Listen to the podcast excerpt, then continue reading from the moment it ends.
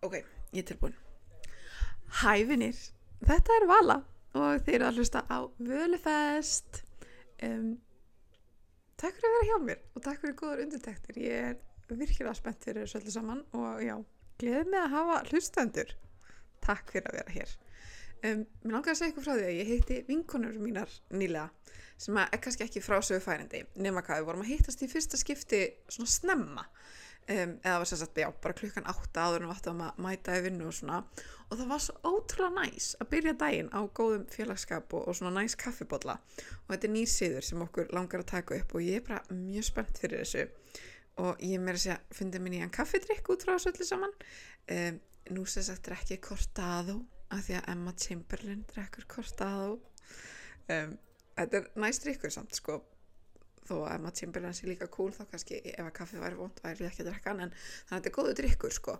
Uh, tvöfaldur espresso með smá heitir mjólk sem er svona basically það sama og ég drekk á mótnana áður en ég fer út en gaman að fatta að þetta svona er drikkur sem hefur nafn og maður getur verið hip og cool að panta eitthvað svona drikk á, á kaffihúsum.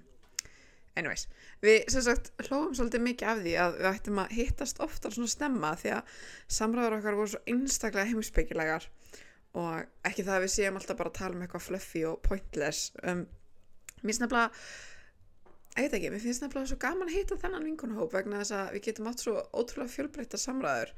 Það er ekkert einhvern veginn sem er of stórt eða of lítið til þess að velta fyrir sér. En í þetta skiptið vorum við aðalega að pæla í orku og orku á milli einstaklinga. Um, við vorum svolítið að pæla í þessu út frá því að vera svona skotin í einhverjum. Að maður er skotin í einhverjum og finnur fyrir orku í gegnum allan líkamann þegar maður er návist þessa einstaklings. Gæti verið að maður vera ímynda sér þessa tilfinningu eða svona orku eða þarf orka eða, já, eða þarf orka ekki orku einhvern veginn til þess að endur speglast uh, ég veit ekki alveg hvort það make sense en getur orka einhvern veginn búið í manni sjálfum eða er maður ekki einhvern veginn alltaf að endur spekla orku frá því sem er að gerast í kringum mann um, og ég vona að vinkonum minni sé sama en hún var sér að segja okkur frá augnabliki á milli sín og, og maka.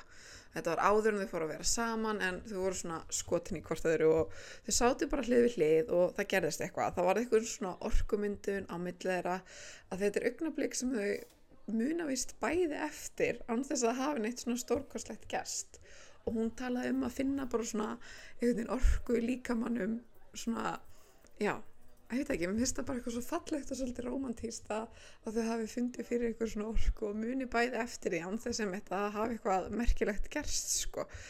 En það er eins og orkan frá þeim báðum hafi eitthvað einn svona saminast eða eitthvað því að þú veist, hvað annað gæti deila verið? En kannski snýst þetta líka um að vera bara ofinn fyrir orkunni að geta mótikið orku frá öðrum og, og lift þessum svona orkum að saminast eða eitthvað, ég, já.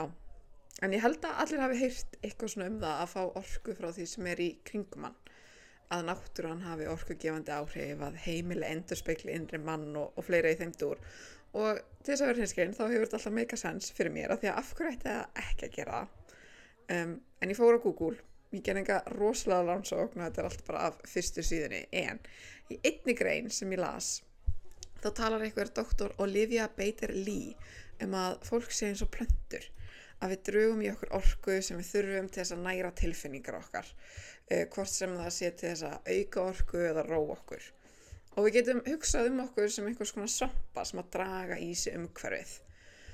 Það er aldrei hægt að eigða orku en það er hægt að breyta henni hún getur búið til í lokuður ími eða opnu þar sem dreifist og blandast sem er áhugavert að hugsa um út frá svona uppröndulegu hugmyndin okkar í morgunverðarklúpnum um orka á mill einstaklinga og hvort að orkan sem maður gefi af sér getur smitast eða hvort hún magnist einfallega bara ef sama eða svipið orka kemur inn í rýmum hans.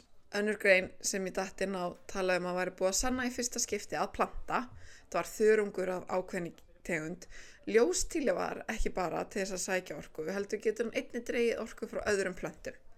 Og þetta er grein frá því 2016 þannig að þetta er ekkert nýja fréttir en áhaverðar samt sem aður vegna þess að veist, plantan er í raun og veru að borða plöntur.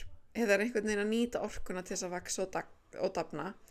Og svona skemmtilegt að hugsa um fólk á þannig nátt líka því að þú veist, eða svona að við séum alltaf að næra okkur á öðru fólki og umhverfu okkar og hvað skiptir það ótrúlega miklu máli að hafa góða orku eða gott fólk í kringum sig sem að hjálpa manni að vaksa og dafna. Orka er allstar í öllu og ég skilða allavega þannig að allir hlutir eru gerður úr atómum sem að geta aðeins bundist ef einhvers konar orku skipti eða samband getur orðið á millera.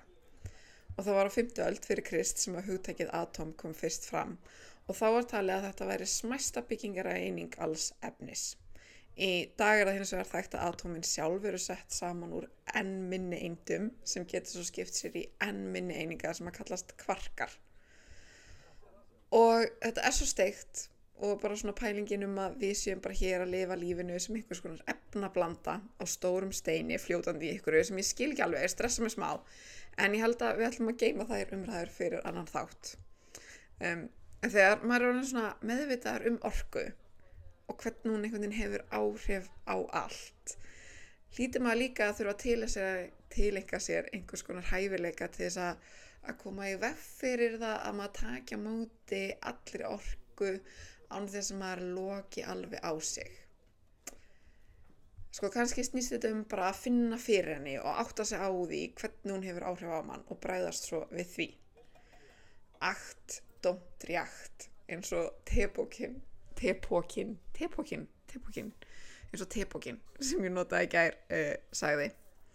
Um, það er nefnilega svo oft það sem maður er bara í ykkur svona react-mót það er að segja, þú veist, að maður sé bara svona bræðast við umhverfunu upplýsingum og fólki í staðis að hafa áhrif eða svona í staðis að kannski að meðtaka upplýsingarnar og gera svo eitthvað út frá því öllu. Og mér er svolítið gaman að pæla líka í því að ef að ef það er hægt að sanna að plöntur geti notað orgu frá öðrum plöntum til þess að lifa hvað er þá annað sem er hægt að sanna? Var þetta setning?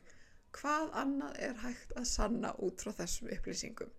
Þú veist, ég ætla að sé einhvern veginn hægt að sanna að karma sé alvöru eða svona einhverja lækningar svona reykatækni, það sem að er bara orka. Þú veist, það sem að, já eða nutt eða eitthvað það sem að manneskjan er ekki snert. Þetta er bara svona eitthvað fljótandi orka þetta er bara eitthvað orku skipti eða þá svona nutt með steinum. Þú veist, hvað er það eiginlega og af hverju virkar það? Er það bara orka? Og út frá því ef við erum að pæla í steinum þá er þetta að hugsa um kristala. Þú veist og hvernig orka einhvern veginn býr í þeim. Og maður ávist að hlaða þá þegar það er fullt tungla því að það var svo mikil orka í loftinu að það meikar alveg sens að ef allir hlutir eru gerðir úr atómum eins og fólkið þá hlýtur orka í búa þá hlýtur orkan að búa í öllu anþess að allir hlutir séu ekki lífur var þetta setning líka, veistu, ég veit ekki alveg stundin hvað er að gera þeina en við erum bara að gera eitthvað og það er bara gaman. Að því að ef allir hlutir eru gerðir úr atómum þá hlýtur að búa orka í öllum hlutum þó að þeir hlutir séu ekki flokkaðar sem lífverður. Anyways, karma.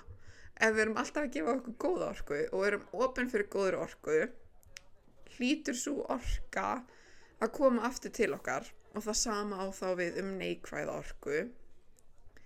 Eða sko að þurfum við alltaf að vera jafnvægi hlutunum eins og með ying og yang. Þú veist, þar maður alltaf að finna fyrir erfið erfileikum eða hafa eitthvað erfitt eða slæmt svo maður geti tekið betur á móti góður hlutunum eða góðu orkunni. Þú veist, er þetta svona maður þarf rikningardagana til þess að minna sig á sólina eða þú veist eða eitthvað neyn en svo er líka gaman að pæla í því hvað fólk flokkar sem svona góða og vonda orka því að sömum finnst rólegt fólk vera með vonda orka og öðrum finnst það ekki orka það er bara svo ótrúlega merkilegt að vera manneskja. Og ég veit eða ekkert hvað er að tala um lengur. Ég held að ég ætli bara að halda áfram að reyna að vera góð bön og gefa fram með góð orku taka móti góður orku og fylgjast með því hvernig svona annað fólk og ólík umhverfi hafa áhrif á mig. Og mér finnst þessi finnst eins og þessi litla rannsókn hafi opnað á eitthvað og ég ætla að skoða þetta betur. Það er svo ótrúlega margt í þessu og ég ætla að setja greinarnar sem ég las las en ekki að slappa hérna í about sem sagt undir þættinum eða fyrir eftir hvað það er að hlusta. En þannig að ef ykkur langar að lesa eitthvað um orku eða slíkt getið kíkt á þessa greinar.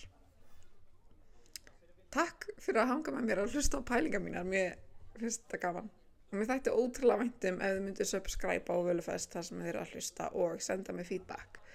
Hver eru ykkar pælingar um orku sjáum slúðlega eftir, bye